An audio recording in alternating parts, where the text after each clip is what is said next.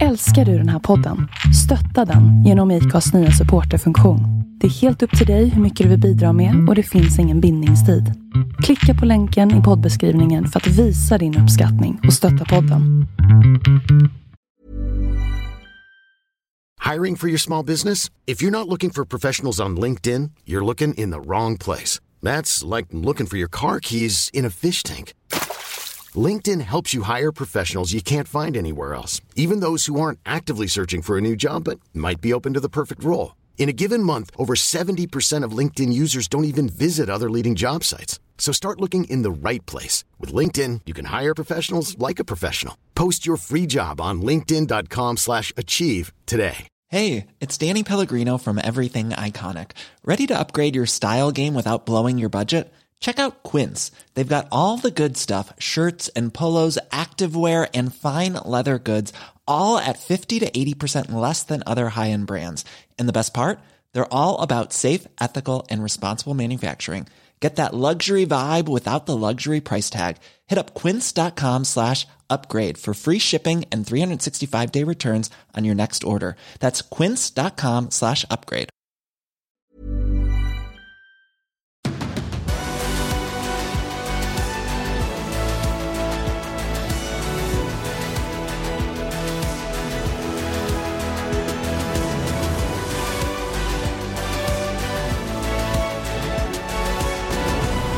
Varmt välkommen till eh, ännu en MotoGP-podd. Andreas Mårtensson och Tobias Lajon som vanligt eh, laddade inför eh, fullmatat program. Andreas, hur är läget med dig? Det är mycket bra. Jag ser fram emot den här podden vi har framför oss. Det gör jag med. Det är en podd som fortsätter lite grann på temat som vi har slagit in på här nu. Presenterat oss själva lite mera, vilket jag för övrigt tyckte var, det var väldigt roligt att göra, både att faktiskt att prata om sig själv men även att lyssna på det du har varit med om under din karriär. Och även all feedback som vi har fått ifrån de här senaste fyra avsnitten som, som har varit nu över jul och nyår. Det har varit roligt. Ja det tycker jag med. Och sen så blir man påmind om grejer som hänt för väldigt länge sedan. Roliga saker, spännande saker och ibland mindre roliga saker. Men det är ändå ja, nyttigt att lyfta upp. Så att eh, ja, jag, jag ser fram emot dagens podd också. Det kommer att bli superintressant. Ja, det blir ingen riktigt vanlig podd den här gången heller. Eh, nyhetsläget inom MotoGP, det kommer vi återkomma till. Det har hänt lite grann nu med Brivio, med Dovi och med allt som, som har hänt nu senaste tiden. Men det har ändå inte hänt så jättemycket grejer, så vi, vi sparar på det lite grann och så går vi in på dagens podd. För den, för den eh, ja vad ska den handla om Tobias? Ja men vi har fått tag på, äntligen eh, fått tillfälle att ha med Nils Spalding, teknisk guru måste man säga framför allt I alla fall jag personligen som, eh, som eh, träffade Nils Spalding första gången 2009 vill jag minnas, i Qatar. Ett ödsligt hotell. Eh, lite kufig britt, men med oerhört tekniskt kunnande inom MotoGP då. Som dessutom skriver, fotograferar och eh, är eh, kritiskt tänkande människa. Han har ju skrivit en bok, MotoGP Technology. Och det är väl hans eh, stora bidrag inom MotoGP måste man säga. Absolut, och den har blivit lovordad av um, folk som är inifrån också, alltså från Öhlins till olika märken som jag vet eh, har uppskattat den här boken. Eh, tre versioner har han skrivit och eh, senaste gåvan som gavs ut den kom ut i slutet av 2019 års säsong. Så att den är ganska aktuell. Det är bara 2020 som saknas och det är inte så konstigt för att han har inte fått resa precis som vi har inte fått resa. Eh, väldigt, väldigt bra och detaljerad bok om man är intresserad av det tekniska i MotoGP. Riktig sån eh, snokare, men nästan som man ser honom med det här eh, förstoringsglaset, går runt och han, han kommer in och eh, lyckas ta reda på saker som annars eh, kanske bara förbehållet de som jobbar med märkena eller? Ja, li, lite så är det. För, för om du och jag springer runt i, i depån, i, i pitlane pratar jag nu om och tittar på olika cyklar och, och sådär så är det inte så många som liksom höjer på ögonbrynen för de vet att vi ser inte det de inte vill att vi ska se. Kommer Nils Spalding dit, då åker draperierna ner tänkte jag säga. Mm, Garageporten åker ner. Japp.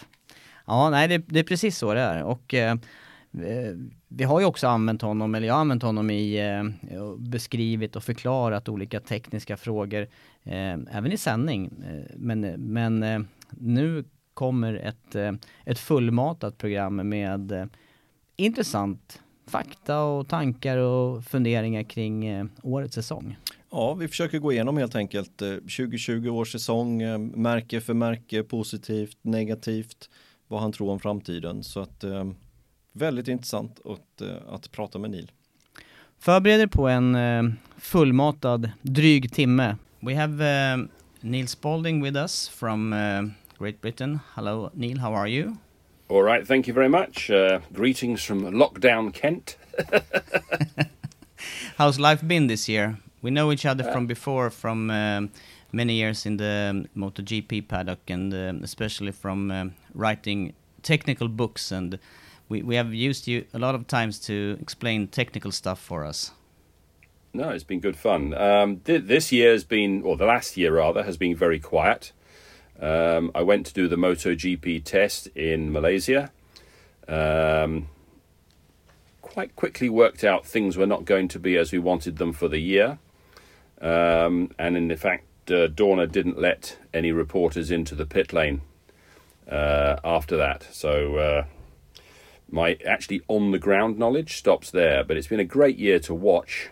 And uh, my spies in the paddock have kept me up to date with some of the more important technical moves. Yeah, and um, I know also you're into some uh, some own business with the technical stuff uh, concerning clutches. Uh, yes. Can you tell us a yeah. bit about that? Yeah, yeah. Um, I run a company called Sigma Performance. This started over 20 years ago when we were tuning up Ducatis. And uh, one of the things that we got into with Ducatis was slipper clutches. Um, we took a Super Mono to Daytona back in 1998, and we'd actually built a clutch specially for that bike. Um, mainly because the rider we were going to use was used to 250s, and we wanted him to have a two-stroke feel. But also, uh, I was very nervous about letting a two-stroke lunatic loose on my very expensive Super Mono Ducati. so uh, that'd be one of those. Andreas, you have you have a lot of experience with 250. What what is the difference with the with the clutches uh, between a two-stroke and a four-stroke? Yeah, it's uh, it's a lot of differences between the, the clutches and the slipper clutch and the no slipper clutch on the 250. So um, I know the difference. Yeah, I mean, you get a lot more grip going into the corner basically if you're not trying to turn over the engine with the rear tyre. So, but you need some engine braking because you want it the back end of the bike to stay behind the front. So it's finding that nice little balance. Anyway, we, we ended up building a clutch for the Super Mono, and here we are 20 years later, and we have a range, I think, of about 70, 70 different clutches, and we can get them onto about 100 different bikes. Um, and yeah, there is a, and there is a market for it uh, uh, even though many of the manufacturers have their own slipper clutches now in the in the bikes. Yeah it's it's no different to Öhlins selling a shock absorber. You know the one that comes on the bike is okay it holds the bike up but if you actually want to race you tend to go up a grade. And we're trying to make the clutch business the same. All right. uh, the standard ones are absolutely fine if you're doing absolutely standard things with the bike uh, but if you want to fine tune it to do better things, and also there is a big market in the older bikes. I mean, I think one of our biggest selling clutches is the old 600 750 GSXR from the turn of the century. All right. That sounds awful, doesn't it? It's only 20 yeah. years ago. time goes, uh, time flies. Yes. And um, about uh, today, then, um, we, as you said, uh, the year has been fantastic. The racing has been really close. All the manufacturers have uh, not all, but uh, almost everyone has got uh, victories this year, and also the riders have had some up and downs. So we have seen a lot of riders also on the podium this year, and um, our plan now is to uh, to speak about the manufacturers and um, and uh, about the performance this year, and if you can see some uh, positives and negatives from it throughout 2020. Yeah, I I broadly speaking, the way the factories have worked out is really in line with their ability to deal with Michelin's new tyre.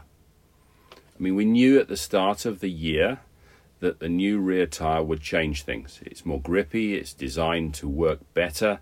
Uh, let's call it three quarters lean. So Yeah. that part of the corner where um, a lower powered but classically inline four bike would be wanting to roll through the corner fast and smoothly. Uh, suddenly they were going to get some more grip. And as with everything with tire manufacturer, it's what we call a zero sum game. If you give somebody something more, it's very difficult not to take something away from something somewhere else.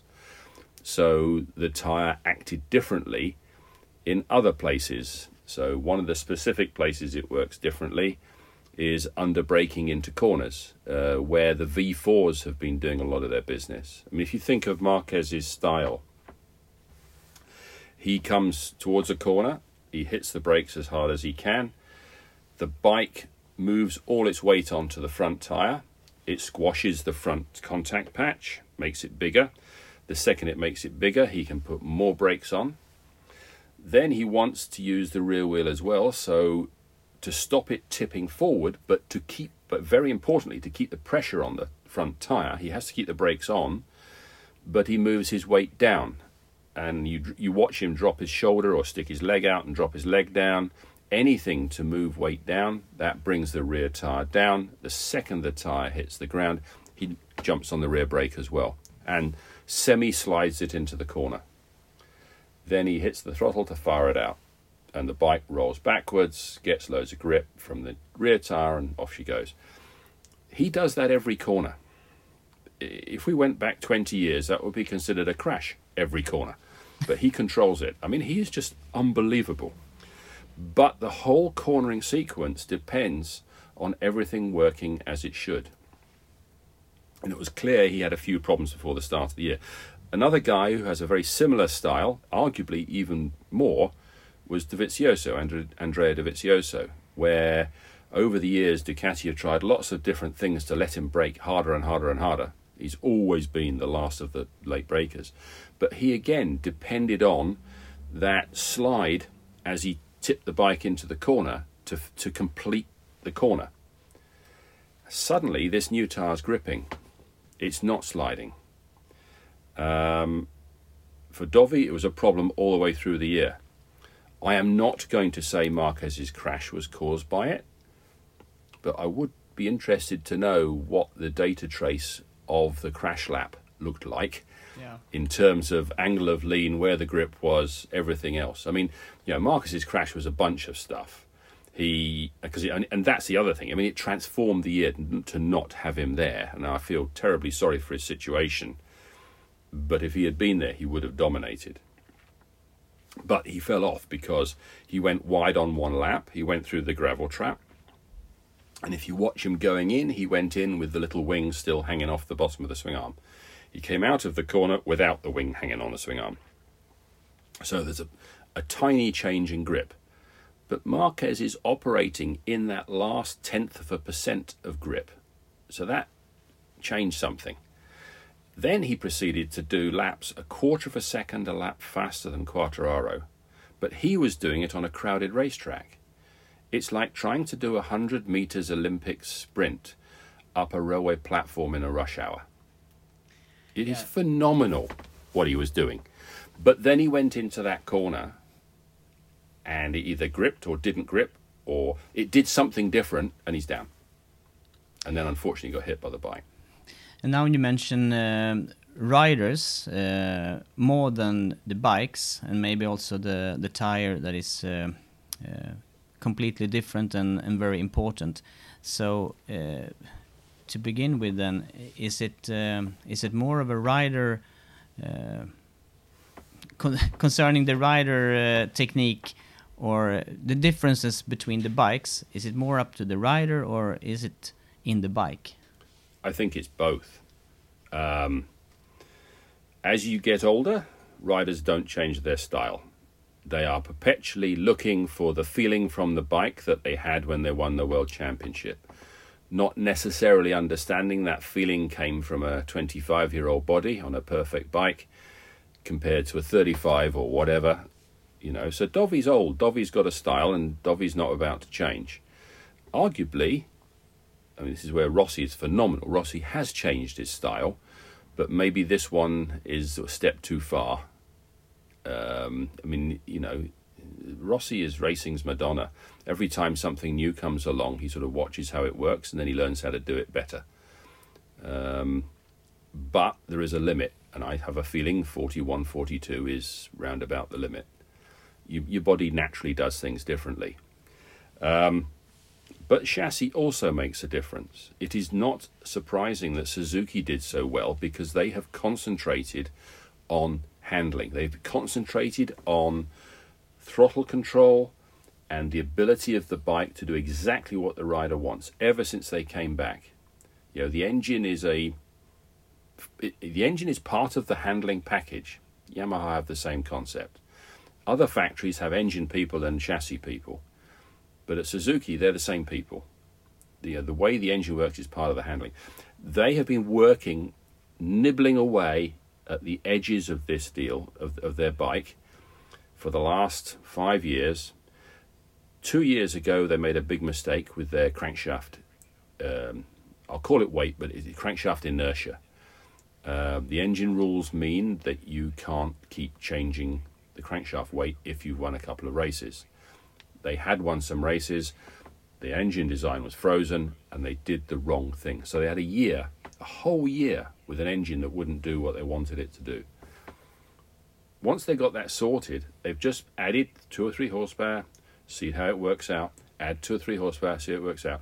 You don't want to add 20 horsepower. If you add 20 horsepower, you've got a very different motorcycle. So this is a game of little dolly steps, little, little, little. And the guy that's now running the project, Shinichi Sahara, he was the race engineer on the GSV-R, so the old V4. He knows this game. He hasn't got it ahead of itself. He hasn't let it get behind itself. But he's also been given the budget to gradually increase their engine power. And it's paid off. They they got everything came together just perfectly for them, and they understood. I mean, they had an excellent test team led by Tom O'Kane, really really good rider in Guintoli. They from that test team understood what to do to their chassis to get the best out of that tire. So you had this project that's been building and building and building and building, and then a big problem comes in for everybody else, and suddenly Suzuki is seen for what it is a very, very good motorcycle. But, but the one problem they have still is their uh, ability to, to do good qualifying laps. Is it easy to explain why this happened to them? It's not easy, but it is linked to the way it works in a racetrack, in, in a race. The suspension on a motorcycle and on a street motorcycle are your forks and your rear shock going up and down. And that is what matters more than anything else, all the way till you go over about 45 degrees. Then you have to start looking at the bike in a different way. Instead of the suspension holding the bike up, you have to think of the front and the rear wheel as somebody doing press ups, left and right hand.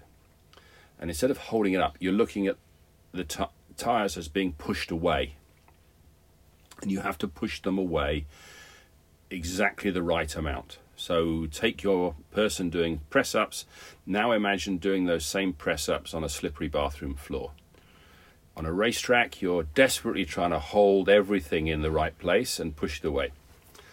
Also, at full lean, the suspension's pointing in the wrong direction. If you hit a 5mm bump, the suspension is not going to to move five millimeters. It's going to try and move sideways a bit more than that, but it's then bending and it's got all sorts of problems.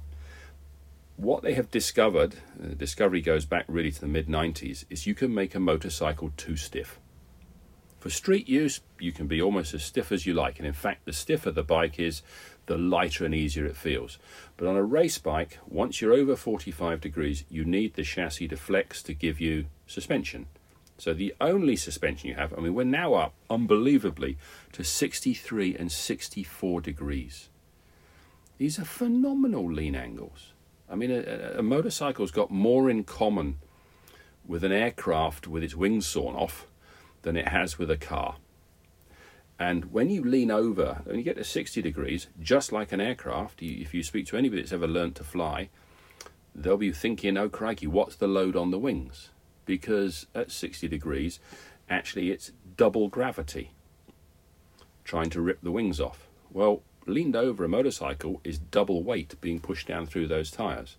So not only are you now doing press ups on a slippery bathroom floor, but you've got your girlfriend or your boyfriend standing on your shoulders. Um, this is getting very, very complicated. But you've then got to have some bend in the chassis. And getting that bend right is absolutely fundamental. And the people who understand that are the people who manage to build bikes that worked with this new rear tyre first. The people who didn't are the ones that are lagging behind. So, so where do the where do the um, chassis or forks or swing arm need to to flex? Then how how can you how can you find out about these things? Well, well, I wrote a lot about it in the book, but uh, the, the in the end, the Japanese have this wonderful expression: "It must bend like a tree."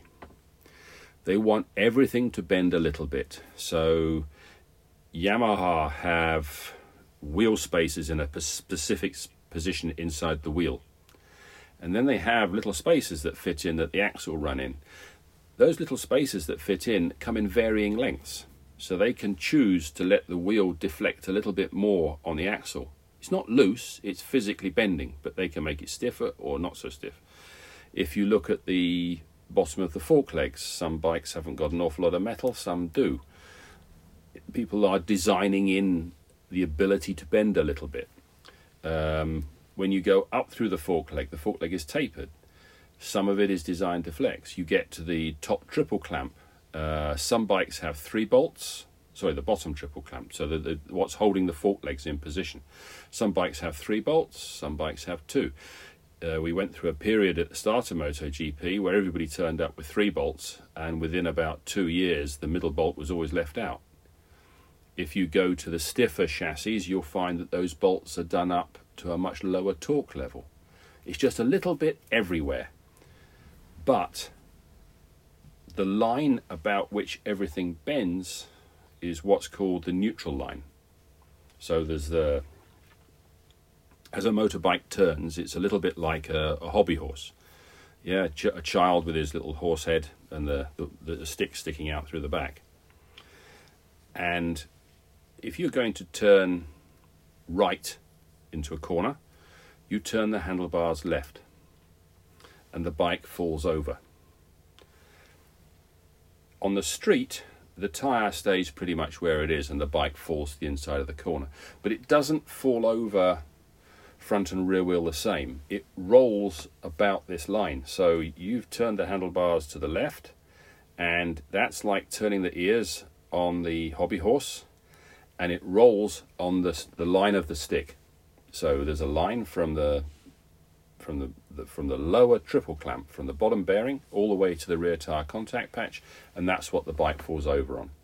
And you want the bike to bend more or less at 90 degrees to that. So it's bending but on that line not a lot of bending. Um, although they do they tell me they do want a little bit but nobody will talk about amounts. You can get people to discuss the concept of chassis flex and i've dug in far enough uh, we, we call this line it's either the neutral line the rear trail line or the twist axis they're all the same line and or very close to the same line and you can just about get people to talk about that but you cannot get anybody to tell you by how much. All I know is things bend a little bit. But, it, but you can quickly work out who's got the problem. Because let's go back to Suzuki. Their bike clearly flexes quite a lot. And at the end of the race, it's going just as fast as it is at the beginning of the race. It's preserved its tyres perfectly. So when it's leaned over, the bend is allowing the tyre to survive. If you are too stiff, the tyre is forced into the ground too hard and it wears. And it wears sufficiently to destroy the rubber. If you have a bit more flex, you squash the tyre a bit like a balloon. It's a bit bigger, but it doesn't wear too badly. If you want to do one lap fast, you want the tyre to grip like crazy and be forced into the track, and you don't care about wear But if you want to be going fast at the end of the race, you've got to be a lot nicer. So I would say Suzuki have got a chassis that works for the race, but that same chassis is struggling to put enough pressure on the tyre in qualifying. Whereas somebody like Ducati is the exact opposite. But can, uh, can can Suzuki do something about it? Stiff the stiff the chassis up um, before the qualifying and then take it off before the race. They, they probably could do, but then you've got the rider with a bike that feels slightly different. Yeah. But I don't think it's it's it- it's not impossible. Um, one bike on the grid has adjustable stiffness. If you look at the back of the main beam on the Ducati, down by the rider's ankle, there's four holes, three holes, four holes. Um, and behind it, on the inside of the bike, there's a plate. And they put bolts through there, and they can choose to do them very stiff or not so stiff. They can have a thin plate or a thick plate or no plate. Most of the year they ran without any plate at all, but in testing they were running plates. So, yes, you could choose to put a plate there. At one point, Ducati had something similar up at the front as well. Um, the question is you've got to send the rider out, he's got used to the bike. Can he actually mentally do that one second quicker? Yeah, Yeah, now how many it's times is he going to come back in a dump truck, you know? yeah now it's so so so tight. So even two tenths, three tenths, it's enough to get pole position or to miss Q two. Yes. Um, I, I think what's probably happening now is that Suzuki are just fine tuning the chassis and trying to work out. Um, there's, there's a thing called the 80 20 rule. You try to gain 80% by only losing 20%. And somewhere in the Suzuki chassis, they're trying to lose just 20% to get 80% better qualifying performance. But it will probably mean the last two laps are not as fast. You know what I mean? It's Yeah. If, but if it's only the last two laps, they can deal with it. If it's the last five laps, maybe they can't. And what do you say about the Suzuki engine? Do they need to improve it to next year or, or to this year, or is they happy enough with, with the performance of the engine? Well, I mean, they, they can't change it. The rules have been changed, so the engine design has to be the same. Uh, they're in a very sweet spot. And one thing you quickly learn about motorbike racing is it's incredibly difficult to find the sweet spot and incredibly easy to move outside it. So, yes, they might be looking for one or two horsepower, but I suspect they're not looking for 10. Yeah. It would be so easy to mess this up. You know, you watch a Japanese factory, and there's no two ways about it. The Japanese understand this game better than anybody else. They get to a point where everything's just so, and development stops stone dead. They're they're happy just to play with the settings for the rider, and you know the bike may not be perfect on every racetrack, but as long as it's perfect on eighty percent of them, that's fine. Absolutely fine. And what do you think about the riders in Suzuki, Rins and Mir? Um, Mir won this year, Rins is, was third. Do you think Rins will beat Mir, or will Mir still be the fastest one? when you watch riders come up, and I'm not the world's expert on rider training or watching a rider's development, but all the people I know who do it as a job talk about watching the rate at which a rider learns and the speed with which he adds speed.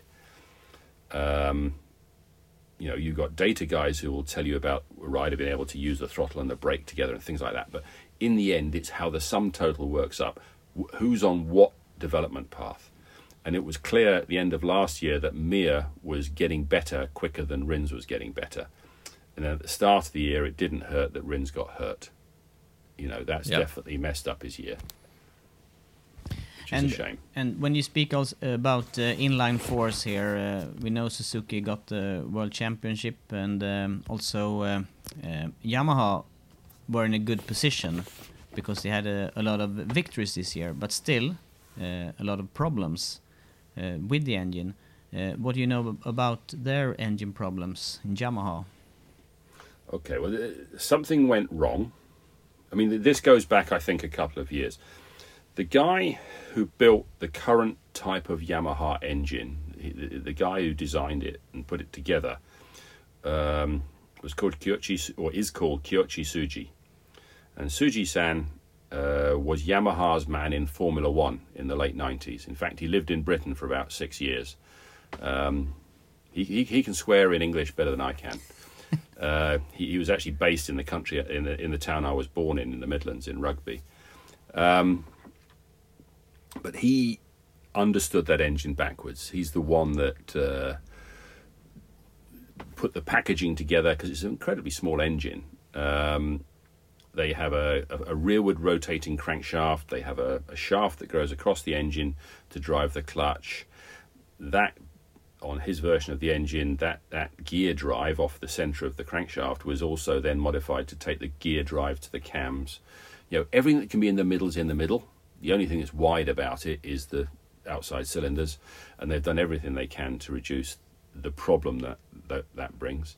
But he understood that motor backwards, and he basically, middle of last year, went off to a new job, uh, outboard, outboard engines, I believe. Come to the end of this year, they've repackaged the motor. I believe, I don't know, but I believe they probably wanted a slightly different gearbox. Um, I'm, I'm fairly sure that you could have put a 2019 engine in a 2004 chassis.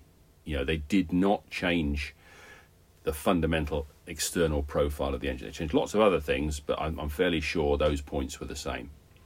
This year, I have a suspicion the engine mounting points in a different position because it's the only thing explains explaining technically why the factory didn't go back to their old chassis. Because when they stopped last year, I mean, they had enough chassis to race at Valencia. They didn't disappear overnight. They're all sitting in a shed somewhere in Japan doing nothing. They could have been brought back. The problem is that that new chassis that Yamaha had uh, needed a new air intake, which was a new front half of the chassis because it was a bigger hole through the middle.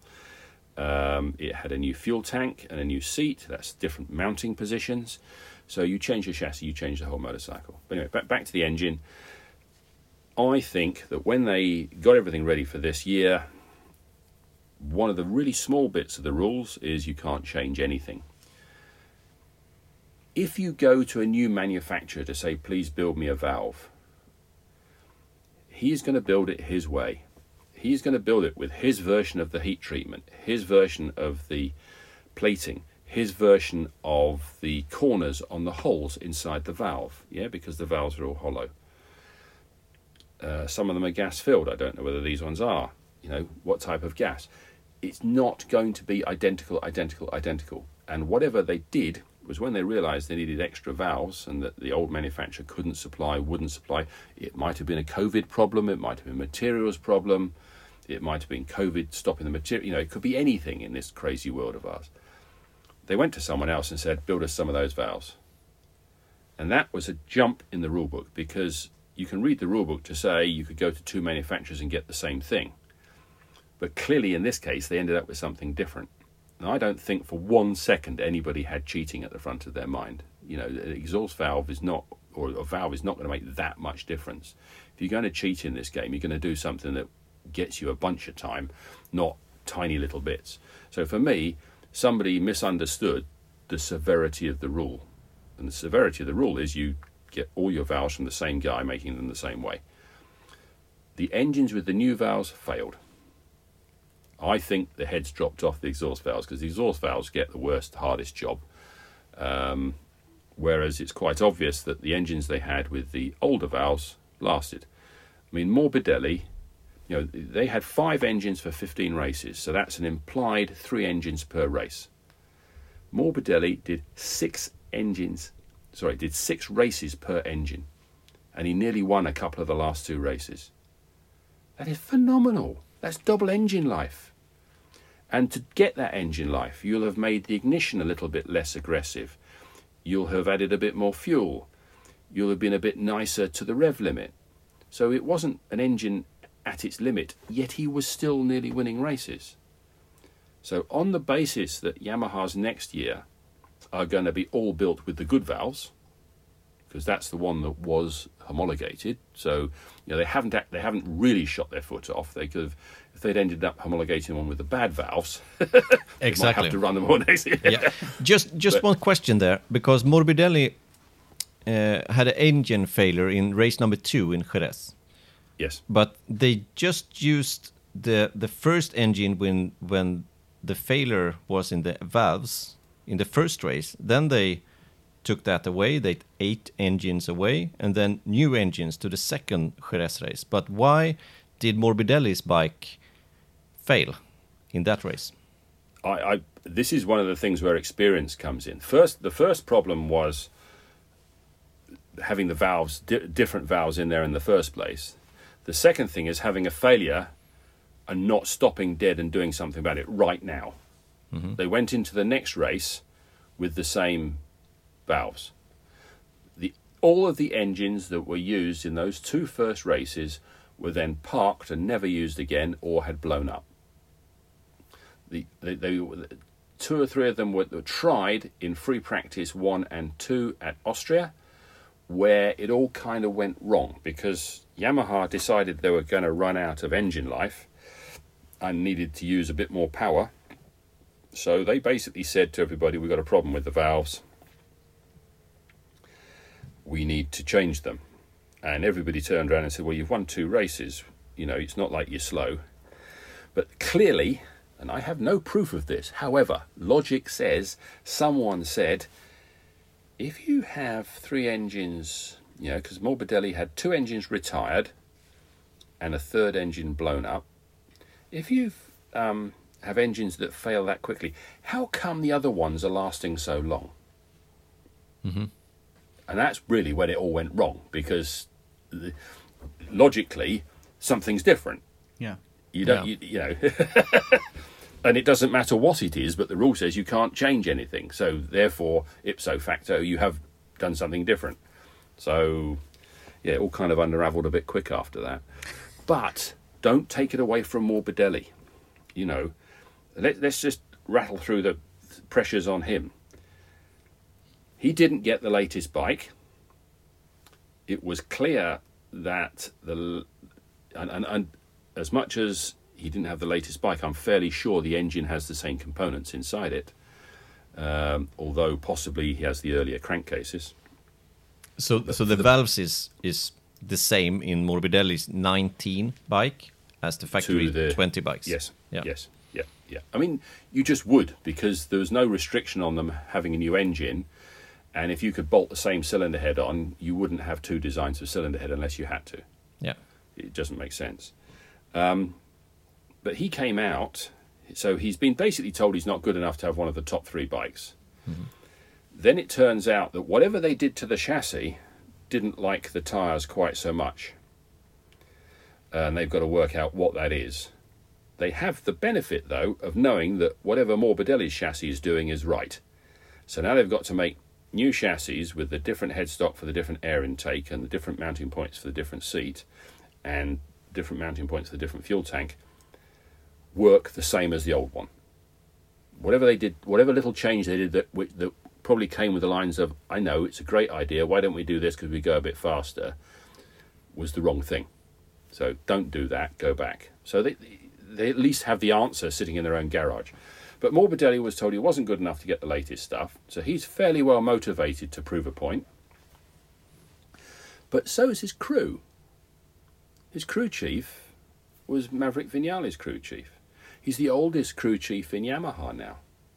He's the one with all the experience. He's the one that knows when you get to a new track like Portimao that you treat it in a certain way and you try this, you try that, but you don't get too inventive. And three world titles with Lorenzo. Yes, you know, he knows what he's doing. But he's also been told he's not good enough for the tops team. You're talking about two guys with a major point to prove and a bike that's maybe just that little bit better, but they were winning races with six race old engines. It's just absolutely incredible. At, at Aragon, the slowest ra- bike on the racetrack was Morbidelli's Yamaha, and he won. Yeah. You know, I hear some TV commentators, I hope not you, always screaming, "Oh, the bike's not fast enough. The bike. Look at the top speeds. Top speed happens once a lap. It's the rest of the lap that actually matters. You know, uh, top speed is an advertising slogan. It means it means absolutely nothing unless they give five points for the fastest bike. Forget it. Morbidelli's bike won at Aragon. It's fantastic. And that was with a five race old engine. Yeah. So And, and what do you think of this year with uh, Morbidelli's bike? He is still running the non-factory, if you say it like that. He will have three Yeah, I mean- bikes that is better. Yeah, well, I think they'll make the factory bikes better. There's no restriction on chassis re-engineering. There's a restrictions on pretty much everything else. But the one bit that's well, the two bits that are broken, one bit they just forget the new bits and go back to the old bits, make sure all the engines are built with them, and spend whatever money's necessary to make that happen. Um, and the second thing is make the new chassis work exactly like the old chassis. Do that, you've got three fast works bikes. Morbidelli, though, you know, it might be a year old, but it ain't going to be any slower. Not Yeah, slower than last year.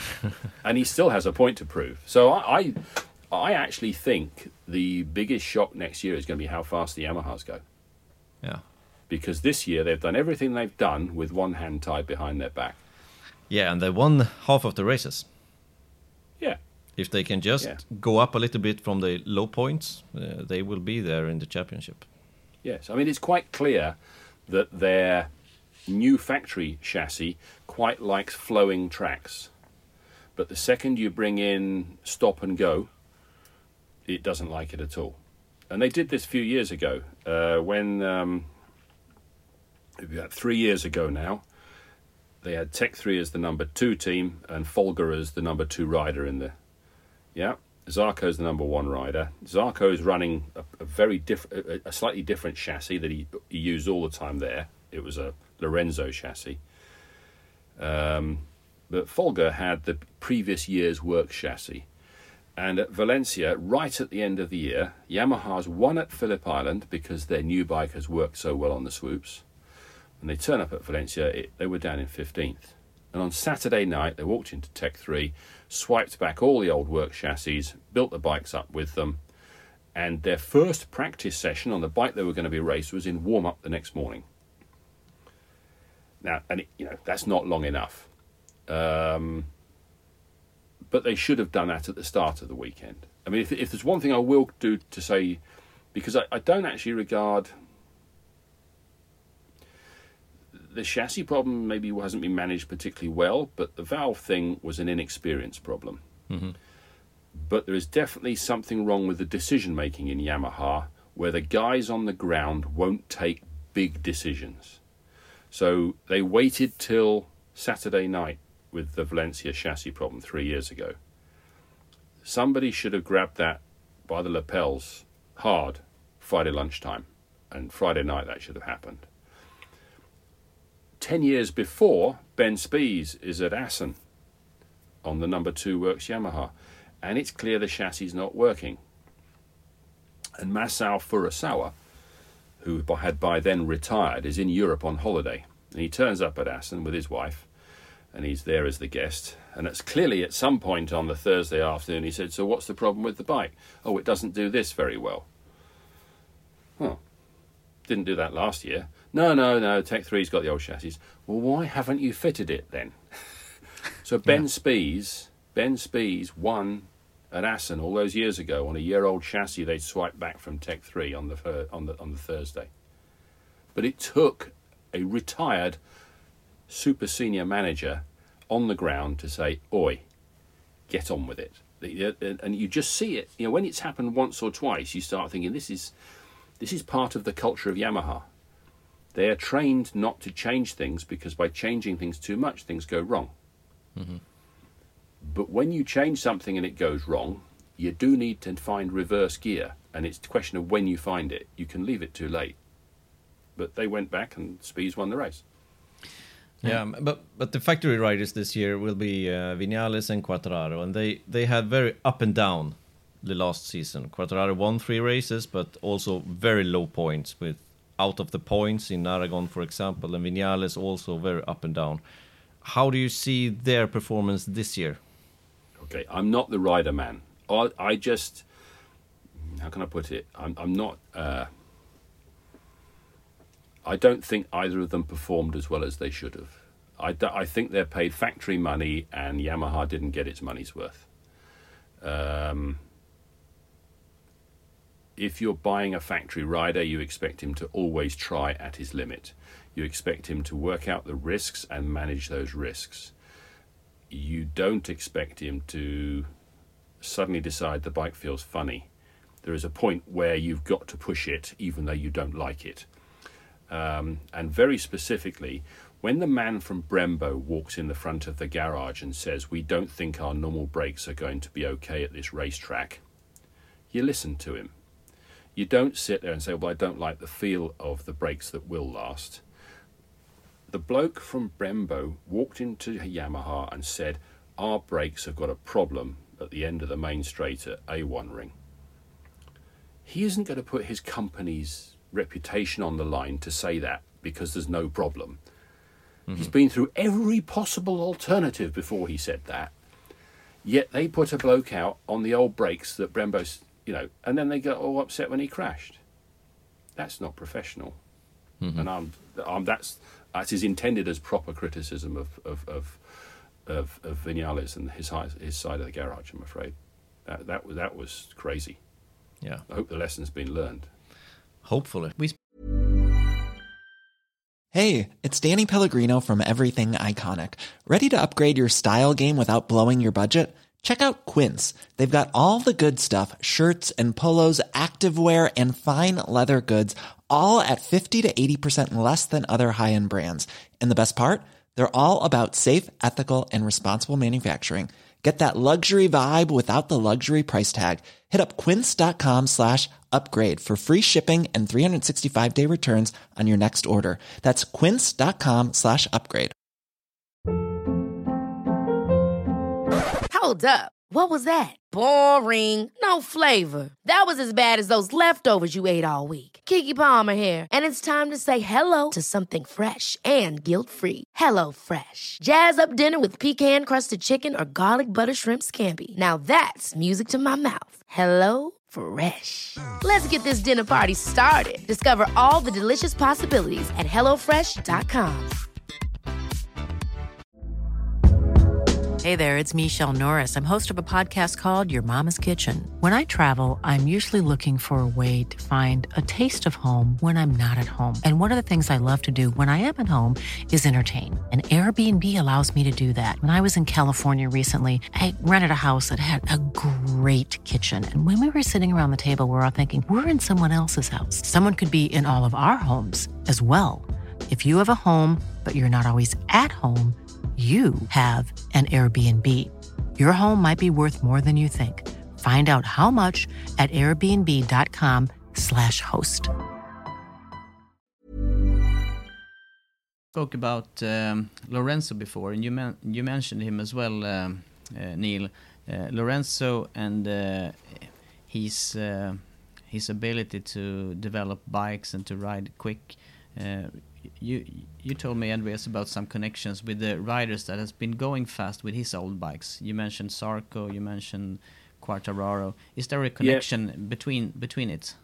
Yeah, there's, there's one particular chassis. Um, Lorenzo's last year, Yamaha built a chassis with some extra metal welded on.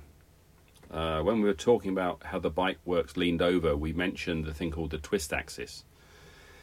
Um, if you imagine, uh, imagine holding a softback book and bending it. If you bend that book, it bends gently over the whole length of the book. If I put a bulldog clip, a paper clip, big paper clip on the back of the book and bend it, the bend moves towards the stiff bit. Now, if that was a chassis and you put some metal on the top of the top beam, and then you lean the bike over and you want it to bend, it'll actually bend more. It's softer leaned over rather than harder. Even though you put more metal on it, it may also be a little bit stiffer under braking. But you've had two effects. Yamaha had one chassis with an extra plate welded on the top, and then Lorenzo liked it, and he had both of his bikes like that. And when he left, I thought that's the end of that. Zarco turns up, they plonk him down in the number one seat in Tech 3 and said, Here's all the last year's stuff, which do you like? And he got through to this special chassis and thought, I like that. And he stuck with it. At the end of that year, they asked him again, You've got choice of all these. In fact, because you went so well, you can have one of the new ones as well. Now he said, I'm sticking with that. And he kept all of Zarco's career was on one pair of chassis with one spare. And when Zarco left, I thought, well, that's the end of Lorenzo's last bike. You know, I mean, it's phenomenal. This is a racing chassis. This is this is supposedly new every year stuff, and here's a three-year-old one, Win, very nearly winning races. So I walked up the pit lane a couple of years ago in Malaysia, and there's Quartararo trying out his new bike, and I looked at the chassis, and there's the plate on top. So Quartararo had that same chassis. What it means is there's something it gives them because Rossi doesn't like that chassis. When Vinales first tried it, he didn't like that chassis. Uh, halfway through last year, Vinales threw his toys out the pram at Assen because he's being beaten by Quartararo and he doesn't like it and says, What's Quartararo got I haven't got? And Yamaha go through the list and there's this chassis. So on Thursday afternoon at Assen, the works team walks into Tech 3. Can we have this chassis back? Oh, sorry, into, into then uh, Sepang. Racing. Can have this Petronas? Can have this chassis back? And overnight, Quartararo was very lucky and got promoted to full work chassis. And Vinales got the chassis with the welded plate back on, and he won Assen with it, and then did the next two races. And after that, it disappeared. And I think that's been tested, and they're trying to duplicate that chassis. But there's there is something really small and really fundamental about the way that chassis works differently. But that raced for four years. I mean, that should not be possible. The, you know, the type of aluminium they use in race chassis and things isn't isn't designed to last four years. So it's, it's great. But but after that, uh, Quartararo last year, or two years ago, 2019, he, he still was competing in. Yeah, he took second places after Marquez with the factory chassis then. He did, but I. By then he should be almost because he'd learnt that much. But his initial stuff was on this other chassis. I I think there's a group of riders Lorenzo, Zarco, Quartararo, Cal Crutchlow when he's of a mind, because when he was in Yamaha, he basically rode the bike pretty much the same way Lorenzo is. I think Cal Crutchlow is massively un- misunderstood because he's managed to ride three types of factory bike in the same way as the number one rider. That's incredible. He's changed his style enough to match what the bike will do. You know, not quite to the level, say, of, of, of, of Stoner, who could work out what was different about a bike and do something different by the second corner. You know, but Cal's pretty impressive on that one. But I think those guys ride a bike particularly smoothly, very carefully on the edge. I mean, look at what Zarco did. Um, A1 ring? No, Brno. When he got the he Long lap penalty. Long lap penalty. Long lap penalty. Yeah. Just think about that for a minute. It's on a dirty bit of track. It's on the outside of the corner. He's on for a podium and he's not going to lose it. And he went through that and lost. You know, everybody says the long lap's supposed to lose you three seconds, and he lost one. Yeah. Just unbelievable. But that's a different skill to what Marquez has got. yeah. You know, it's smooth and gentle, and it requires a different sort of motorbike. And I think when factories hire riders, they've got to understand what they're trying to achieve. Because KTM clearly did not understand what they were hiring when they hired Zarco. But Ducati absolutely understood when they took him back. Because the bike they gave him, the 2019 bike, is also an ex Lorenzo design. Yeah. And So do you think he will keep uh, if we go into Du- Ducati now? Do you think he will? do you? th- have to breathe. how, how, how can I put this delicately? If you have sensible management, yes. But if you have somebody who's going to say no, we must use the latest, you've just shot both yeah, feet be- off. because he's promoted now to the to the Pramac team, and yes. yeah, let's see which bike Let's he hope uses. he takes it. Yes. Well, hopefully, hopefully he takes his chassis and his race engineer with him. One thing um, is worth noting: his race engineer um, was a chap who went to Suzuki uh, with Iannone. It was Iannone's engineer. Um, he has clearly had a massive experience of dealing with a difficult sort of rider. He's perfect for Zarco. You know, it's it's it's just great when you watch a plan come together, and that that that penalty trip was a plan coming together. And it was for a podium. Yeah, it was. Yeah, Yeah. it was impressive. We were we were speaking about it a lot in the race, and and uh, gave him a lot of credit for that uh, for that corner for the ride. All right, so Neil, um, we're now into the the V4s. Uh, we we started this uh, podcast with uh, with uh, mentioning the difference differences between uh, V4 and inline fours, and you spoke about uh, the braking zone and everything. And um, how about Ducati this year? Then they have had different riders uh, on the podiums. Almost everyone has been on the podium, uh, but uh, still they have had big problems with their top name, uh, Andrea Dovizioso. Yeah, I, I think that, that Andrea. I think we've also touched on really. In the end, he has a style, Yeah, and he's taken that style to the ultimate level he possibly could.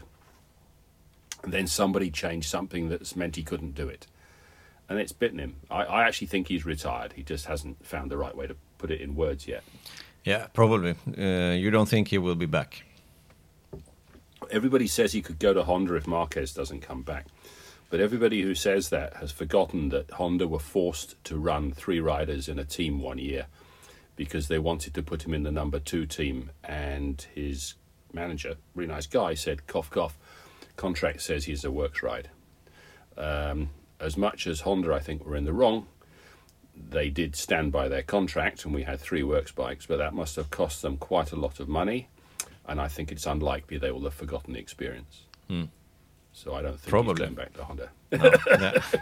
Let's see. But the other riders then, uh, except Dovizioso, um, they they found some uh, good uh, good pace in different places during the year. Yeah, well, this is where Ducati and KTM, I think, have some things in common. It's noticeable that Ducati were really, really fast at Misano, nearly won the race. But that's one of their two test tracks. You know, their guys know that track better than anything. So it's to me, it's not surprising. You have a good machine, but not quite the top level but you have a good rider who is nearly top level, then you go to his home track, or certainly a place that he's been riding for the last 10 years. It's going to make the difference. So for me, I look at the Misano result and say that's reside that, or the, the, the result that could have been if the bike hadn't failed. Um, I think the, uh, the the run was down to the rider, and the other runs are just occasional runs where everybody got things almost right. But compared to Honda, and we need to bring Honda in here. I mean, Honda started the year with a group of bikes that were all designed for Marquez, for Mark Marquez, and for his style. And everybody else's job was to learn to ride like Mark Marquez. He's then out of the loop. Alex is dropped in the deep end. Cal is trying to do what he can. And they sit down, they have a long, long, long chat, um, and they work out that they've got a good Japanese rider that, with a bit of help, can get up a level. Um, Nakagami. And they start working with Nakagami, and then by Misano, suddenly Alex Marquez is there too. And it's not until you look very, very carefully at the pictures you realize they had a new chassis. And that's telling you a bunch of stuff. It means Honda understood what they had built for Mark Marquez, and they understood what to do if they were not building for Mark Marquez, because it probably takes you two months, three months from the shock of Mark not being there to actually, you know, they to turn up at Valencia, uh, Misano with it. They've done it about as fast as you can build a chassis. And whatever they did, weight distribution, stiffness, I suspect both. Suddenly, Alex Marquez is riding the Honda a bit more like a works Yamaha, only it's got Honda power. You watch his lines, you watch the way he's riding. He's not standing it on its nose. He's not drifting into corners. It's tracking just like an inline four. So they absolutely understood what to do. That is an expression of design experience and maturity and knowledge that nobody else clearly possesses. Because Ducati could not do it. But why haven't they done it before because they have big problems in 2019 with Lorenzo, even with Nakagami and Crutchlow. I I think the nature of the way Honda think is we build one bike Yeah. and then we try and go for it. It's up to the other riders to learn how to ride like Marquez. So they they were interested in Lorenzo more from the perspective of could we get him to ride like Marquez more than to build a I, I thought they wanted him to build a bike that like the Yamaha. And it is quite possible that some of the things they learnt is what's sitting inside Alex Marquez's bike now. But they didn't actually bring it for for George. They, they, they, they certainly on the racetrack they wanted him to ride a bike like Marquez. Uh, I, I had a chat with one of the guys there and said, yeah, we decided to go for him because with the Ducati was showing that much more aggression. So Lorenzo, second year Ducati, was a more aggressive rider than the ex Yamaha rider the year before, and that's what Honda was after, and that's what Honda wanted him to do, and that's where he couldn't go. Yeah. So that to me then was a collision exactly the same as Zarco going to KTM.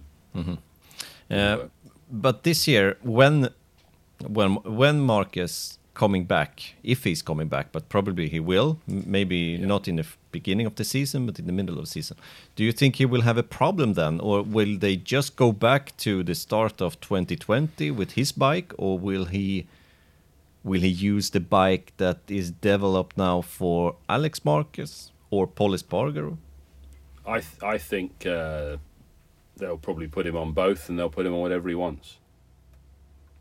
Yeah, I mean the, the the one thing that's not frozen in the design regs next year is the chassis, Yeah. so they can run whatever they like. So Um, so he will not have a problem with the bike, you think? No, No. no. I mean either, either he gets his old bike, and you know they swap chassis halfway through the year, so somewhere there are half a dozen chassis sitting in a shipping container, getting dusty, so he, he can crash them till the cows come home. Um, and the or other Pol riders, Espargaro. You don't. Well, it'd be interesting to see which one Pol goes for because Pol's riding style is quite Marquez-like. yeah. But whether it's extreme enough, I don't know. I mean, I'm never sure. Let's just think about Lorenzo.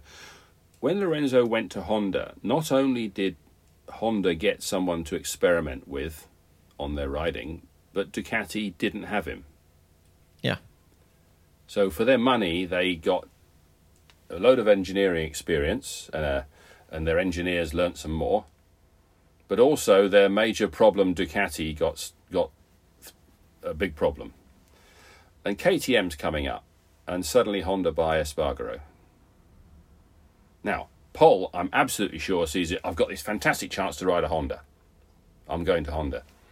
But if I was spent, if I was man with a checkbook at at Honda, where's the most effective place to spend my money? And at the time they signed Pol, it's probably by slowing down KTM. So we will we will see. You know, Like exactly as you said with uh, with Lorenzo, because Lorenzo could have been a big threat against Marquez in 2019 on the Yeah. Ducati. Yeah, yeah. But a bit like um, Andrea's about to discover that if you go away from racing for a while, you get slow quickly. And I think Jorge has already found that.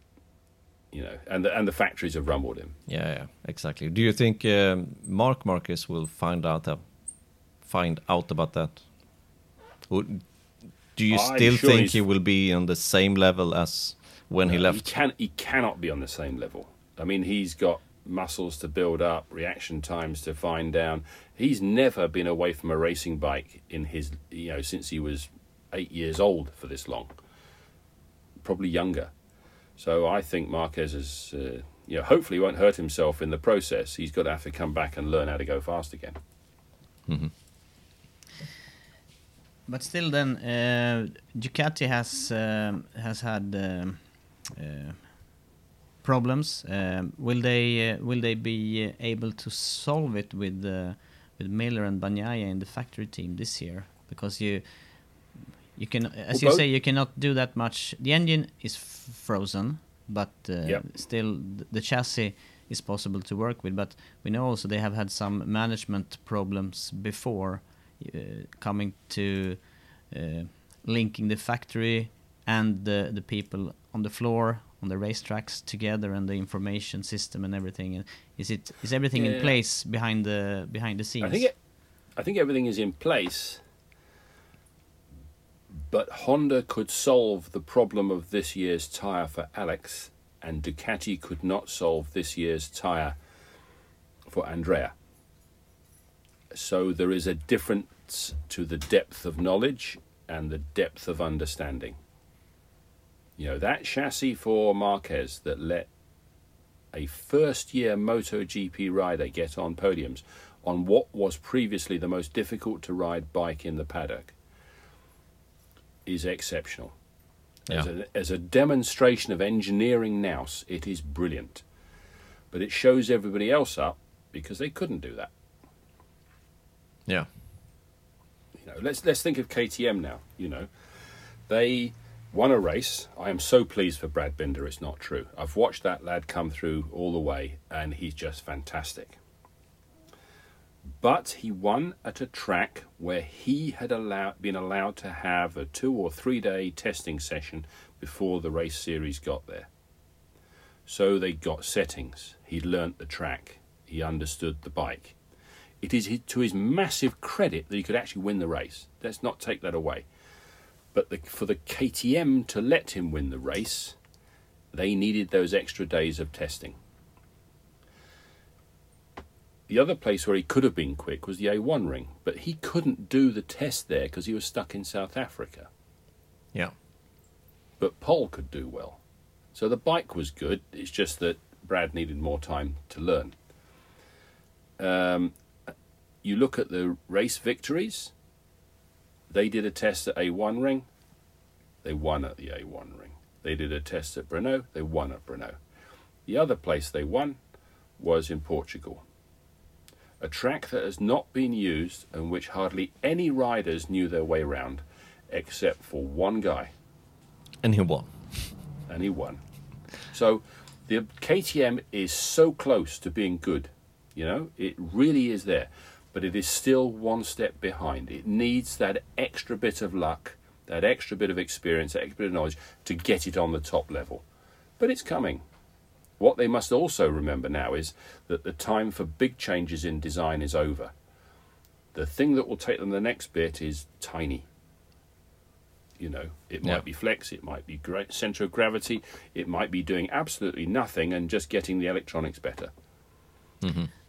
And the and the test riders uh, at KTM then with uh, with Pedrosa and with uh, Kallio, im- important of course. Yeah, yeah, absolutely. Kallio's done a fantastic job, but I think without a doubt, Pedrosa's ability to come back and tell them what it's doing is fantastic. But don't forget, they've not only got Pedrosa, but they've got uh, a top Öhlins technician, and they've got Pete Benson from Marc VDS, who was Nicky Hayden's crew chief. There's a massive pile of knowledge suddenly been added um, you know, a lot of the knowledge before this year came from Yamaha experience because they had, you know, a, a- a working thing with Tech 3. But now they've had another jolt of, let's call it Honda knowledge, and they've landed they've landed the resulting design. I mean, the chassis is superb. You know, they've had to develop with, with aluminium, which is the material of choice for most of the businesses uh, racing and for their street bikes. It's relatively easy to weld, it's relatively easy to change the flexibility. But you can't do complicated um, 3D printed parts with the aluminium. Whereas with steel, which is what KTM is using, you can. They have undoubtedly had to perfect some new technologies. I believe Pankl is doing a lot of the work for them but you know you've got 3D parts, 3D printed parts in that chassis that are fundamental to the way it's working. So this is a whole new technology, and it's it is now possible where they were the ones before where you thought why are they with steel and everybody else is on aluminium. You could actually put together an argument that steel is better than aluminium now. It's just they need to finish the job. Considering how far behind KTM were, it is fantastic that they've got to this level because this has not been easy. You know, they made themselves a very, very difficult path to do their own suspension company and to do a steel chassis. And they're winning races. It's fantastic. They do. Hopefully, they will continue with it. Yeah, we had Yeah. a, yeah, Absolutely. Two good riders. Two good riders. Yeah. Yeah, of course. And uh, b- uh, this year, then Neil, uh, what what do you um, uh, what do you hope for? Or what do you wish for? Or how how do I put it? Uh, what do you think will happen during the season? Is it is it I- possible to predict anything? To be honest, no, because the one bit that's um, a problem is the tyre, and the one bit you need to work with to change that is the chassis, and that is open. All the factories are fighting the same COVID related problems. Um, I think we're in for another amazing year because I, I don't, whenever Marc comes back, he's not coming back at 100%. And as we've seen this year, there's an awful lot of guys who reckon that without Marc there, they're the man. So I think we're in for another absolutely storming year. And I, there's two two things. One is I would now expect KTM to do even better, and I think Yamaha are going to come out fighting. Yeah. I think Yamaha properly properly going to be good. And is um, is it any of the rider name, any of the riders you want to to mention specially for the coming I year? just, I just want to see Brad Binder win the thing because it just 'cause it's fantastic. Because you just I've just you know I can remember him coming to Silverstone to a British Superbike Moto three race, and uh, there'd been a misunderstanding. They thought there was no minimum weight, and at that time we had a minimum weight requirement regardless of the weight of the rider. So he turned up, and they had to add weight and he had I think they went to about five tire shops and took all their tire balancing weights. The entire bike was covered in tire balance weights to get it heavier, as was his back protector. and he learnt to ride it. Now he did crash in the race, and I'm sure it was the weight. And two things have come from that. Brad learnt a lot, and BSB now have a maximum amount of added weight, so that a small rider is not required to ride a stupidly heavy bike. Um, but yes, I just you know he's he's fought his way up. You know, and Brad is one of those people. When it's going wrong, he digs deep, and this is my criticism of Quartararo and and Vinales coming out. When it's going wrong, they're not digging deep. Brad Binder got put on the back row of the grid at Jerez a few years ago and won the race. His first race? He didn't give up. Yes, he didn't give up. He came out fighting, and I think that's the that's the final key for all this wonderful design, great skill, everything else. In the end, you need a fighter. Yeah, and he also with and he also fought uh, the half of the year with the with the Moto 2 chassis as well. yes, That was not good. Yes, Yeah. very painful experience for everybody concerned. That I'm Yeah. sure. You know, but Yeah. yes, I mean, you know, I mean the WP technician for um, that works squad, that works KTM squad, um, Damien Bailey, um, who actually just lives not so far from me, has is now uh, Jake Dixon's crew chief in the Sepang team. And you look at Jake's performance last year compared to his performance this year. So many people learnt a lot in that team, uh, in that KTM team last year, to come out and then say to Jake, who was clearly struggling with one or two things, and they fixed the bike for him. And you know, and apart from the unfortunate industry, in, injury at the end, he was going unbelievably well. Yeah, in Le Mans, it was just uh, a couple of laps Yeah. to the end. Yeah, Yeah, it was Yeah. close. Very, very close. yeah. Um, I have one question about Marc Marquez. What's your take on it? the human body is not something you can throw away and just replace. So maybe it deserved a bit more respect than it was given. You know, he had a bad injury, one that's noted, you know, in the past has finished people's injuries. Uh, Carl Fogarty's industry, indus- injury was not so different. Um, yet he was back a week later. You have to put question marks on that. But I was not there. I'm not a medical man. Um, but you just sit and, you know, I mean, what I was in a previous life was a risk manager. And that was a risk that was not worth taking. You know, it was, it was fanfared at the time, brave and everything else, yes, but there's a, there's a difference between brave and foolish. You know, so yeah, I, um, I don't think it's so good. We haven't mentioned Aprilia. I had so much. I had so much hopes for them. I interviewed them at Sepang. They were bubbling. They got the engine right. You know, it, it, and it was a weight distribution thing, not just a power thing.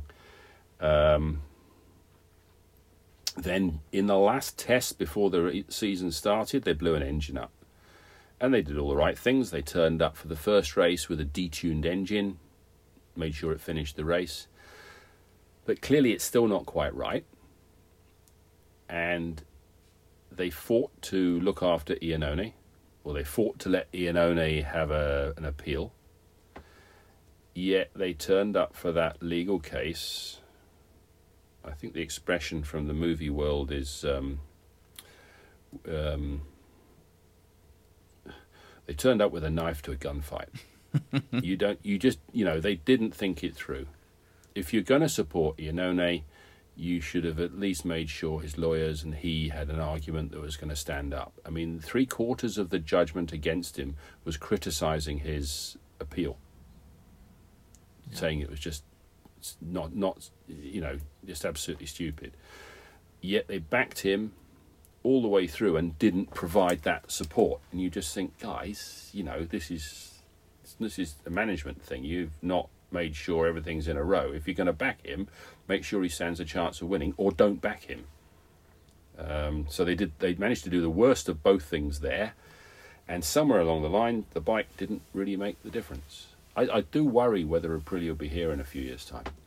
I really do, because it's costing them money, and I'm not at all convinced the boss of Aprilia um, is sufficiently a fan of MotoGP to want to spend the money for the hell of it. You know, mm. for for Ducati, it's like Ferrari. It's part of their DNA now. Yeah. If they want to sell sports bikes, they need to go racing. But for Aprilia, you know, they sell more scooters than anybody else in Europe and yeah. India. Yeah, Piaggio. Yeah, these, yeah, they're, they're not they're not an insignificant player, but they don't need to be winning MotoGP to do it. I mean, arguably, what they need to be doing is just developing a a nice low emission two stroke. You know, they've been there before; they can do it again or an electric one. But yes, so I, I'm I'm not not only disappointed, but quite concerned for the future for them. To be honest. Interesting to to listen to you, Neil. It's uh, always um, always um, a pleasure to to spend some time together. Okay, sorry. There's one more thing. Yeah. Michelin brought that new rear tire it was supposed to be followed this year, this next year, this year with a new front tyre. Because there was not enough testing, it's not coming. That new front tyre could have solved a lot of the problems. But now the factories have got to work with the back tyre from one generation and the front tyre from the old generation for one more year. So it's not really balanced the, the performance no. of the tires. No. No. Thanks a lot, Neil, for your time. Cheers, chaps. Enjoy. Happy New Year. Yeah, Happy New Year. Mycket intressant eh, att lyssna på Nils Balding och ha möjlighet att ställa frågor, eller vad säger du Andreas? Ja, det är alltid, alltid roligt att eh, prata med han för han har, han har ögon för det, just det tekniska. Ja men det känns så, det är både med egen erfarenhet eh, från sadeln, han har kört själv också och eh, dessutom de många år i eh, MotoGP-depån och eh, ja, jag, jag gillar eh, analyserna och eh, funderingarna som han har. Verkligen. Eh, och vi kan ju varmt rekommendera hans bok också, eh, MotoGP Technology. Och jag tror faktiskt att den är slutsåld och kommer inte säljas mer. Av en händelse så har jag ju kommit över ett litet parti som eh, vi får se vad vi ska göra av dem framöver. Ja, eh, håll utkik alltså i eh, nästkommande eller fram, framtida poddar inför möjligheten att kanske förvärva en sån här bok då. Som sagt var väldigt matnyttig. Och sen också tycker jag är intressant att höra det här med hans eh, eh, kopplingar, Sigma Performance Clutches som, som finns till allehanda eh, sportmodeller på motorcyklar som kan hjälpa upp eh, till exempel sådana här trackdays, åkning och annat. Men eh, med det så kan vi nästan börja avrunda den här podden tycker jag och eh, också se fram emot nästa vecka. Det kommer bli ännu mer matnyttigt eh, och eh, fullmatad timme och ta in. Johan Stigefelt kommer vara med i den kommande podden. Ja, den, den får ni absolut inte missa. För där kommer lite bakgrundsinformation och lite inside information hur till exempel Quattararo blev värvad till Petronas-teamet. Mm. Intressant lyssning alltså att se fram emot. Med detta så tackar vi för denna vecka.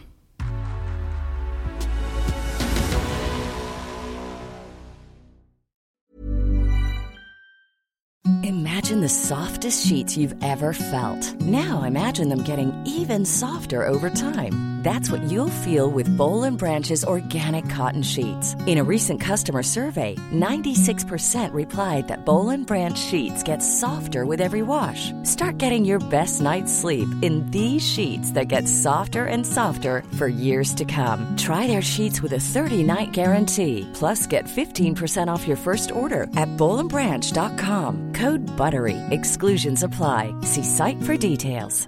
Hi, I'm Daniel, founder of Pretty Litter. Did you know cats tend to hide symptoms of sickness and pain? I learned this the hard way after losing my cat, Gingy. So I created Pretty Litter, a health monitoring litter that helps detect early signs of illness by changing colors, saving you money and potentially your cat's life. Pretty Litter is veterinarian developed, and it's the easiest way to keep tabs on your fur baby's health right at home. Go to prettylitter.com and use code ACAST for 20% off your first order and a free cat toy. Terms and conditions apply. See site for details.